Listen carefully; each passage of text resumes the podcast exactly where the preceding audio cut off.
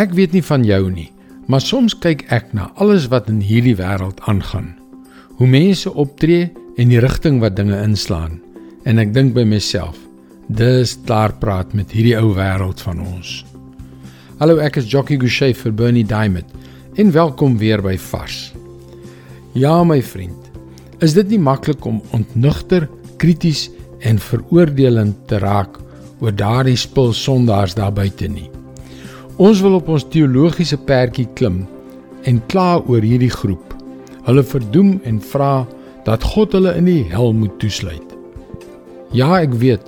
Miskien is dit 'n bietjie kras gestel, maar is dit nie hoe ons soms voel nie? En so het menige Christen, menige persone wat hulle self as disippels van Jesus Christus beskou, 'n siek, veroordelende houding.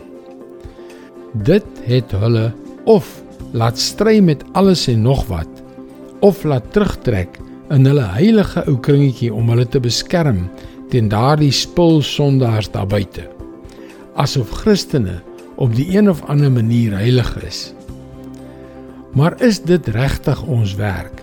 Is dit werklik wat Christus van ons vra Johannes 3 vers 17 God het nie sy seun na die wêreld toe gestuur om die wêreld te veroordeel nie maar sodat die wêreld deur hom gered kan word. Kom ons stop net en dink vir 'n oomblik daaroor na. As Jesus nie gekom het om die wêreld te veroordeel nie, dan is dit seker ook nie ons werk nie. En as Jesus gekom het om die wêreld te red, nou ja, miskien is dit waarmee ons ook besig moet wees.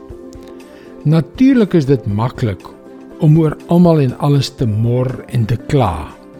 Maar ek is redelik seker dis nie hoekom God jou op hierdie aarde geplaas het nie.